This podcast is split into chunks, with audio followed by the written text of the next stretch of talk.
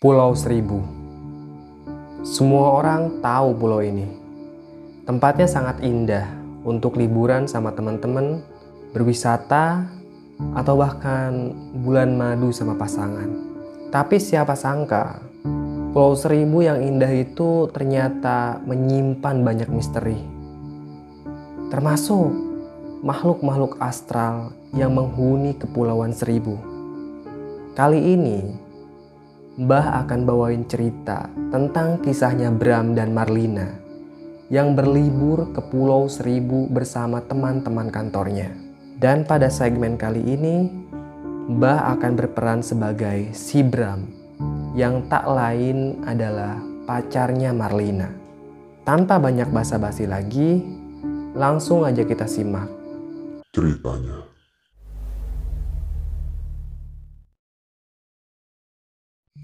Kenalin, gua Bram. Gua adalah salah satu karyawan swasta di Jakarta. Gua ngantor di Jalan Satrio. Nah, setiap tahun kantor gua itu selalu ngadain tour buat karyawannya. Tahun kemarin aja semua karyawan kantor gua itu tour ke Bandung. Dan kebetulan pada tahun 2018 kantor gua ngadain tour ke Kepulauan Seribu dan gue akan bagi kisah horor ini ke kalian semua. Semoga kalian gak ngalamin apa yang gue alamin di Kepulauan Seribu. Sebelum gue cerita lebih lanjut, gue mau jelasin kalau gue ini punya pacar di kantor, namanya Marlina. Dia satu kantor sama gue. Sebenarnya Marlina lebih dulu kerja di kantor itu, sedangkan gue baru 6 bulan. Nah dan kebetulan di bulan ke-6 kantor ngadain tur ke Kepulauan Seribu. Jelas aja gua sama Marlina seneng. Karena gua sama pacar bisa jalan-jalan bareng secara gratis. Dan gua juga mau kenalin ke kalian semua dengan Mbak Sarah. Dia ini manajer gua ya. Dia yang mimpin perjalanan ini ke Kepulauan Seribu. Nah waktu itu semua karyawan sepakat berkumpul di Muara Angke jam 6 pagi karena kapal yang akan bawa kami ke Kepulauan Seribu akan berangkat jam 7 dan kapal-kapal itu hanya melakukan perjalanan sekali dalam sehari. Mbak Sarah mengingatkan semua karyawannya buat datang on time. Saat itu, gua yang kebetulan ngekos dari Manggarai, gua berangkat jam 5 subuh dari kosan. Itu bener-bener pagi banget. Dan gua berangkat ke sana pakai ojek online. Sekitar 40 menitan lah gue sampai di Muara Angke dan ternyata teman-teman gue itu belum ada yang datang. Emang dasar mereka itu suka nggak on time orangnya. Dan gue orang yang paling on time lah di kantor tuh. Pas sampai di Muara Angke, gue bener-bener nyium bau anyir. Wajar ya, karena kan Muara Angke ini tempat pelelangan ikan. Dan yang bikin gue seneng, ternyata Muara Angke udah rame banget. Bukan hanya sama pedagang ikan dan nelayan, tapi orang-orang yang mau berangkat ke Kepulauan Seribu udah pada kumpul di Muara Angke. Kecuali teman-teman gue, gue belum ngeliat satupun. Gue duduk di tempat pengambilan tiket sambil ngotak-ngatik HP. Gue ngehubungin si Marlina dan nanyain dia udah sampai mana. Marlina jawab, ternyata dia masih di perjalanan. Gue pun bilang di grup WA kalau gue udah nyampe di Muara Angke. Mbak Sarah pun ngebales, katanya ambil aja tiket kamu di loket. Ternyata pihak kantor udah ngebeliin tiket untuk semua karyawannya. Jadi gue tinggal ambil aja di loket. Dan pas gue dateng ke pengambilan tiket, gue tinggal ngeluarin KTP, terus tanda tangan, langsung dikasih tiket. Gue pun kembali duduk sambil menunggu teman-teman yang belum datang. Beberapa menit kemudian, satu persatu teman-teman gue datang Ternyata mereka berangkatnya kayak berkelompok gitu, janjian dari satu tempat ke tempat lain. Pantes aja lama. Asal kalian tahu ya, kantor gue itu nggak gede-gede amat. Karyawannya cuma sekitar 35 dan divisinya sama semua. Operation staff. Jadi kami tuh nggak ngerasa ada sekat di antara karyawan karena jabatan kami semua sama. Kecuali sama manajernya Mbak Sarah. Nah pas gue masuk kantor itu, gue ngerasa masuk kuliah lagi karena ketemu sama orang seumuran semua. Oke, kembali ke ceritanya. Teman-teman gue pun datang satu persatu. Termasuk pacar gue, si Marlina. Jam 7 kurang 20 menit, kami masuk ke dalam kapal yang akan menuju Pulau Seribu. Kapal itu berukuran sedang lah ya. Mungkin bisa menampung sekitar 90 atau 80 orang di dalamnya. Gua sama Marlina duduk di dek paling depan. Kami duduk di sana sambil menikmati pemandangan laut lepas. Kapal kami pun berangkat menuju Kepulauan Seribu. Di awal keberangkatan, gua ngeliat lautnya itu masih hitam itu karena tercemar ya sama bangunan-bangunan atau limbah-limbah yang dibuang sembarangan ke laut. Tapi udah lewat sekitar satu jaman barulah gua ngeliat laut yang sangat biru dan indah. Perjalanan ke Pulau Harapan menempuh waktu sekitar 4 jam lebih kalau nggak salah. Gua ngeliat teman-teman gua pada tidur. Mungkin mereka semua ngantuk. Ada juga yang mabok laut. Gua sama Marlina santai-santai aja sambil menikmati pemandangan laut. Tapi lama kelamaan panas juga duduk di luar. Akhirnya gue sama Merlina masuk ke dalam. Singkat cerita, kapal kami pun tiba di Pulau Harapan. Rombongan kami disambut oleh gapura yang bertuliskan selamat datang di Pulau Harapan.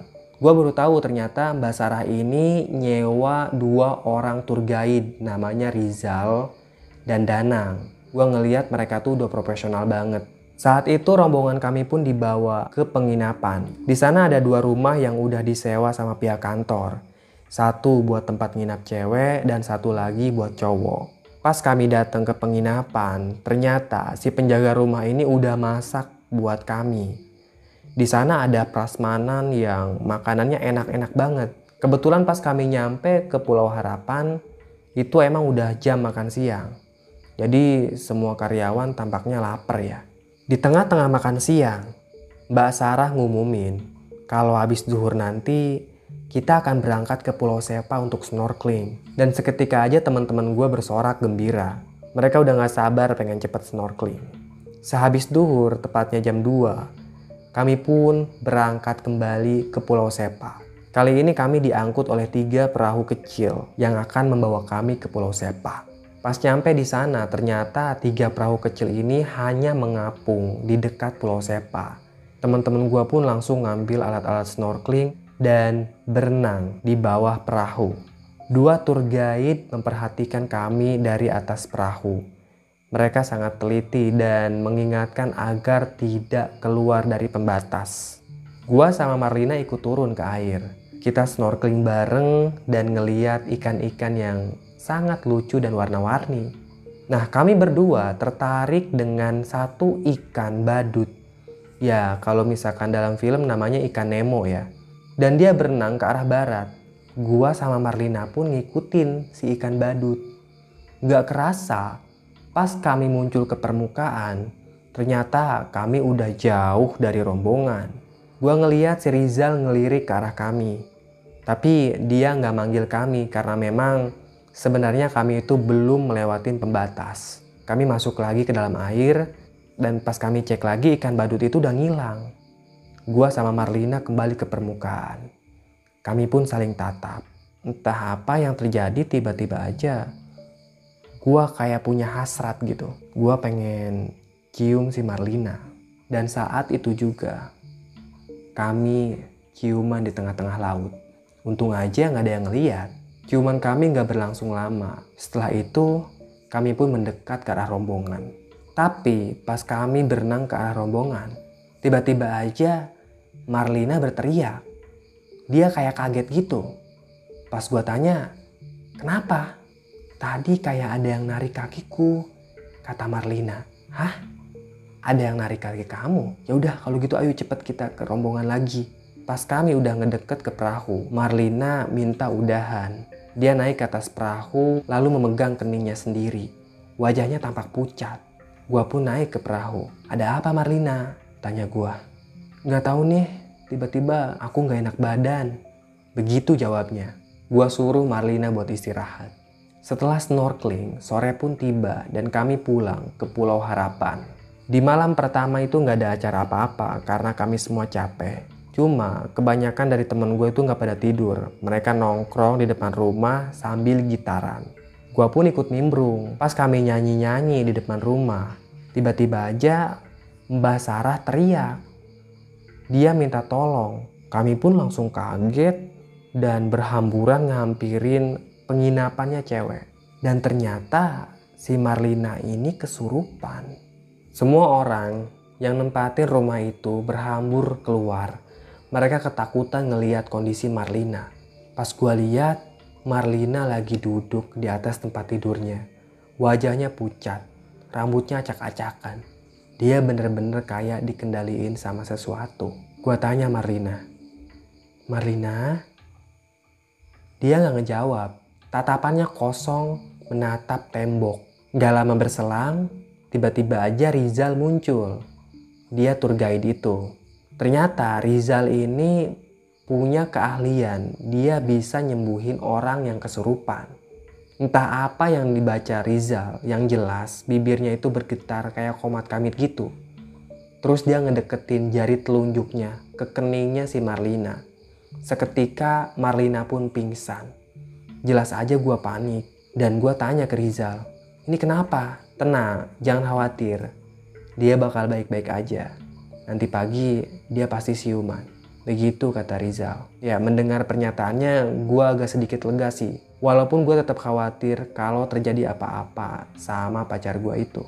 Keesokan paginya, bener aja ternyata Marlina siuman dan dia membaik. Bahkan Marlina ini mau ikut ke acara selanjutnya. Dan acara selanjutnya adalah naik banana boat di Pulau Pari. Setibanya di Pulau Pari, di sana udah ada banana boat dan kami semua udah digratiskan untuk naik wahana itu. Kami pun ngantri satu persatu. Kebetulan si Marlina dapat antrian yang gak bareng sama gua. Dia naik sama temen-temennya. Dan saat itu Marlina duduk di paling belakang. Dan Marlina nyuruh gua buat ngerekam kegiatannya. Maklum lah, cewek gua ini emang suka narsis di media sosial. Gua pun nurut aja dan ngerekam aktivitas si Marlina yang lagi naik banana boat. Anehnya, tepat di menit kelima, tiba-tiba aja gua ngeliat ada sosok perempuan yang duduk di belakang si Marlina. Perempuan itu berwajah pucat, bahkan terkesan putih. Itu kayak putih susu ya. Dan perempuan itu pakai baju warna merah, rambutnya panjang banget sampai menyentuh laut. Gua ngeliat kejadian itu di rekaman HP si Marlina. Dan pas gua ngeliat ke banana boat itu, wanita misterius tadi udah hilang, entah ke mana. Sesaat kemudian ada seseorang yang nepuk pundak gua. Dia adalah Samsul, dia sahabat gua di kantor. Heh Bram, lu kenapa kayak orang kesambet gitu? Tanya Samsul. Sul, gua tadi ngeliat ada hantu di belakangnya si Marlina. Hah? Hantu? Alah, siang-siang kayak gini ngelindur lu Bram, Bram. Jawab Samsul. Nih, lu kalau nggak percaya lihat rekaman ini. Gua nyodorin HP si Marlina. Tapi pas gua puter ulang videonya, anehnya wanita misterius yang rambutnya panjang dan wajahnya putih itu hilang, nggak ada di rekaman. Ini aneh banget. Gua bener-bener sadar kalau misalkan gua ngeliat ada perempuan misterius itu di belakangnya si Marlina. Samsul makin ketawa karena gua nggak bisa ngebuktiin kalau misalkan ada hantu di belakangnya si Marlina. Tuh kan, gua bilang apa? Lu pasti bohong. Mana ada hantu siang-siang kayak gini? Samsul malah semakin ketawa. Nah ternyata Marlina udah turun dari banana boat. Dan dia nanya ke gua, mana hasil rekamannya? Marlina sempat marah karena rekamannya cuma sebentar. Dan gua nggak cerita sama si Marlina kalau tadi ada cewek misterius di belakangnya. Soalnya cewek gua ini bener-bener penakut orangnya. Setelah dari Pulau Pari, kami pun berangkat ke Pulau Pramuka. Di sana ada penangkaran penyu. Jadi kami bisa foto-foto gitu sama penyu. Di Pulau Pramuka juga banyak pedagang. Gua ngeliat kayak semacam pasar tapi nggak gede-gede banget. Dan pasar itu kayak ngejual pernak-pernik Pulau Seribu kayak kaos, gantungan kunci, atau bahkan lukisan-lukisan kecil gitu ya. Di Pulau Pramuka, gua nggak nemuin keanehan. Teman-teman gua semuanya pada seneng ngeliat penyu. Pas gua lagi asik ngeliatin penyu, tiba-tiba aja ada kakek-kakek yang narik lengan kanan gua. Kakek-kakek itu rambutnya udah putih semua dan giginya ompong. Badannya kurus banget. Tiba-tiba aja dia bilang gini, Hati-hati ya nak, yang sabar. Semoga kamu dijaga sama Tuhan. Begitu kata kakek itu. Gue bingung, kenapa tiba-tiba si kakek bilang kayak gitu. Danang pun menghampiri gue dan kata si Danang, jangan khawatir, kakek itu adalah orang gila di pulau ini. Jadi emang ngomongnya suka ngaco. Ngedengar pernyataan si Danang, gue bener-bener lega. Karena gue anggap itu cuma perkataan orang gila aja. Di Pulau Pramuka kami bener-bener have fun lah. Sampai gak kerasa sore pun tiba. Malamnya adalah malam terakhir kami di Pulau Seribu. Acara malam itu adalah tukar kado dan bakar-bakar ikan. Kami semua karyawan udah bawa kado masing-masing dari rumah. Karena itu emang peraturannya. Dan kado itu wajib dibungkus pakai kertas koran. Mungkin biar nggak ketahuan kado itu milik siapa. Jadi nanti diacak gitu. Malam itu Mbak Sarah menyuruh semua karyawannya untuk membuat lingkaran besar.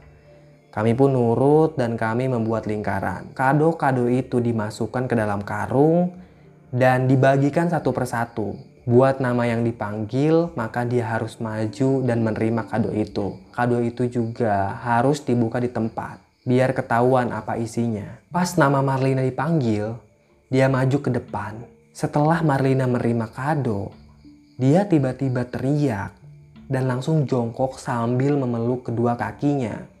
Kepalanya nunduk. Dia teriak sambil bilang takut, takut, takut. Gue gak ngerti apa yang dia takutin. Emang ada apa Marlina? Kenapa? Semua orang yang ada di sana panik ngeliat tingkah si Marlina. Marlina bilang ada laki-laki dengan kakinya yang sangat panjang menjulang tinggi ke langit. Wah, semua orang yang ada di sana langsung merinding. Bahkan Mbak Sarah langsung membubarkan acara. Gua sama Mbak Sarah langsung nuntun si Marlina untuk ke kamarnya. Marlina gak berhenti nangis. Dia tetap bilang takut, aku takut. Gak lama kemudian, si Marlina natap ke arah gua. Wajahnya bener-bener udah dikendaliin sama makhluk halus. Tatap matanya kosong. Dan dia bilang kayak gini ke gua. Kita akan hidup abadi di Pulau Edam. Begitu kata Marlina. Saat itu juga Rizal langsung ngobatin si Marlina. Seketika Marlina pun sembuh dari kesurupannya. Rizal bilang si Marlina ini emang lemah jiwanya, jadi gampang dirasuki. Sekali lagi dia ngingetin ke gua kalau Marlina bakal baik-baik aja. Dan besok pagi pasti siuman. Seperti pada malam sebelumnya, gua ngerasa tenang-tenang aja. Dan gua gak sabar pengen cepet pulang. Karena gua rasa Pulau Seribu ini udah gak aman buat Marlina. Malam terakhir di Pulau Seribu, gua malah gak bisa tidur. Soalnya teman-teman gue berisik banget. Gak kerasa, ternyata udah jam 2 malam, gua gak kunjung tidur. Dan pas gua lagi ngobrol sama si Samsul, gua ngedenger ada suara Mbak Sarah yang minta tolong. Dan gua pun ngeliat Mbak Sarah lari dengan terburu-buru ngedatengin penginapan laki-laki. Gua tanya ada apa Mbak Sarah? Marlina, si Marlina. Mbak Sarah terbata-bata. Iya Marlina kenapa? Marlina hilang. Begitu kata Mbak Sarah. Gua langsung panik dan lari menuju penginapan perempuan. Dan malam itu warga Pulau Harapan benar-benar digegerkan dengan hilangnya Marlina. Bahkan sebagian dari warga ikut mencari si Marlina. Tapi Marlina ini gak kunjung ketemu. Dan gue masih inget kata-kata terakhir yang diucapin sama si Marlina. Dia sempat ngucapin Pulau Edam. Dan gue curiga kalau Marlina ini ada di Pulau Edam. Gue pun minta izin ke Mbak Sarah buat nyari Marlina malam itu juga ke Pulau Edam. Gue minta sama Rizal dan Danang buat nganterin gue ke Pulau Edam. Awalnya Danang sama Rizal nolak karena nggak masuk akal kenapa si Marlina tiba-tiba ada di Pulau Edam. Pulau itu juga udah nggak berpenghuni. Lagi pula lokasinya jauh dari Pulau Harapan. Setelah gue membujuk mereka berdua, Akhirnya Rizal sama Danang mau nganterin gue ke sana. Mbak Sarah juga ngizinin gue untuk nyari Marlina di pulau itu. Mbak Sarah bilang kalau rombongan gak akan pulang sampai Marlina ditemukan.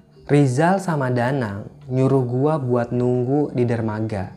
Kata mereka berdua, mereka bakal nyari nelayan yang mau nganterin ke Pulau Edam.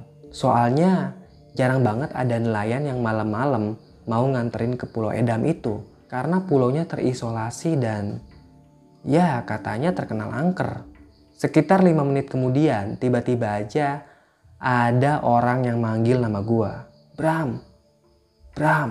Gua noleh ke belakang dan ternyata itu adalah Rizal. Dia udah dapat perahunya.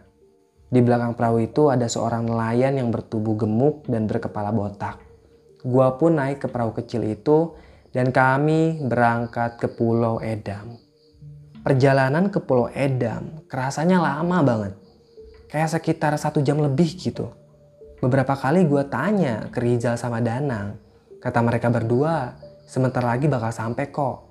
Rizal nunjuk ke mercusuar. Ternyata Pulau Edam ini ditandai dengan adanya mercusuar. Kata Rizal, mercusuar itu dibangun oleh Belanda karena dulunya Pulau Edam sangat sibuk oleh lalu lalang kapal Belanda. Setibanya di Pulau Edam, satu persatu kami pun turun dari perahu. Saking semangatnya, gue jalan paling depan, sementara Rizal dan Danang tertinggal di belakang gue. Tiba-tiba aja smartphone gue berdering, dan itu telepon dari Mbak Sarah. Langsung gue angkat. Mbak Sarah bilang kayak gini, Bram, kamu di mana? ini Rizal sama Dana udah siap buat berangkat ke Pulau Edam. Gitu kata Mbak Sarah melalui telepon. Gua kaget dan gua langsung ngejatuhin smartphone gua. Kalau misalkan Rizal sama Danang masih ada di Pulau Harapan, lalu siapa orang yang nganterin gua ke Pulau Edam? Pelan-pelan gua noleh ke belakang. Dan pas gua noleh ke belakang, gua ngeliat dua orang laki-laki tadi nggak punya kepala. Gue kaget dan gue langsung lari terbirit-birit menjauh dari mereka. Untungnya, dua makhluk itu enggak ngikutin gue. Gue lihat sekeliling, ternyata gue kayak lagi ada di hutan gitu. Gue bingung mau ke mana. Kalau misalkan gue balik lagi ke pantai, gue pasti bakal ketemu sama makhluk tanpa kepala itu. Saat gue lagi bingung, terdengarlah suara Marlina minta tolong. Suara itu berasal dari arah barat. Gua pun ngikutin sumber suaranya. Semakin dekat, suara Marlina semakin jelas. Ternyata sumber suara itu berasal dari mercusuar. Dan kebetulan banget pintu mercusuarnya nggak dikunci. Gua langsung bisa masuk ke mercusuar itu. Suasananya gelap banget. Nggak ada listrik di sana. Gua ngerogoh celana dan untungnya gua sempet ngantongin korek di dalam mercusuar itu, gue ngeliat ada anak tangga yang menjulur ke atas. Anak tangga itu pasti menuju puncak mercusuar. Dan kebetulan, gue ngedenger suara Marlina itu kayak bersumber dari atas mercusuar. Gue pun naik perlahan menyusuri anak tangga itu. Semakin naik ke atas, semakin jelas suara Marlina. Dan saat itu, Gua ngeliat ada sosok perempuan yang duduk di atas tangga. Ternyata itu adalah Marlina. Pas gua sentuh pundaknya, Marlina tiba-tiba aja tubuh gua kepental. Gua jatuh dan tubuh gua menggelinding dari atas. Seketika aja gua pingsan. Nah dan pas gua pingsan, saat itu gua mimpi. Gua kayak ngedapet petunjuk gitu. Dalam mimpi itu, Gua ngeliat si kakek-kakek orang gila yang pernah ngingetin gua. Dia bilang kayak gini, kalau kamu mau selamat, kamu harus ziarah ke makam Fatimah. Dan makam Fatimah itu ada di belakang mercusuar. Gak lama kemudian, gua pun siuman. Buru-buru gua keluar dari mercusuar itu dan mencari makam Fatimah. Dan bener aja, di belakang mercusuar itu ternyata ada pemakaman. Gue lupa berapa jumlah makamnya. Dan gue juga nggak tahu yang mana makamnya Kangjeng Fatimah. Akhirnya gue duduk aja di antara makam-makam tersebut dan membaca doa sebisanya. Dan gak lama berselang setelah gue membaca doa, gue ngeliat tubuh Marlina terkapar tak berdaya di bawah batang pohon. Gue langsung ngedatengin Marlina dan ngecek keadaannya. Dia masih hidup. Buru-buru gue bopong Marlina dan berjalan menuju pantai. Gue udah gak peduli sama dua hantu tadi. Yang penting sekarang gue bisa nyelamatin si Marlina. Dan untungnya pas gue sampai di pantai, gue ngeliat ada Rizal, Danang, dan Samsul. Ternyata mereka udah curiga kalau gue ini udah dibawa sama makhluk halus ke Pulau Edam. Saat itu gue bersyukur banget gue bisa nyelamatin Marlina dari petaka ini. Gue sih heran banget ya kenapa cuma Marlina yang diincer sedangkan gue baik-baik aja. Ternyata pas gue pikir-pikir ulang, gue kan berasal dari kampung ya. Dan di kampung gue itu setiap anak harus dikalungi sama kalung hitam. Katanya kalung yang gue pakai selama bertahun-tahun ini khasiatnya buat nolak gangguan jin. Mungkin aja kalung inilah salah satu alasan kenapa gue nggak kena petaka. Saat itu gue bener-bener kapok, ciuman di tempat-tempat yang asing. Gue sadar kalau di dunia ini manusia gak hidup sendirian. Ada makhluk lain yang hidup berdampingan bersama kita dan kita harus menyadarinya. Selesai. Terima kasih udah nyimak cerita Mbah. Tunggu kisah-kisah lainnya ya. Tetap sehat dan salam merinding.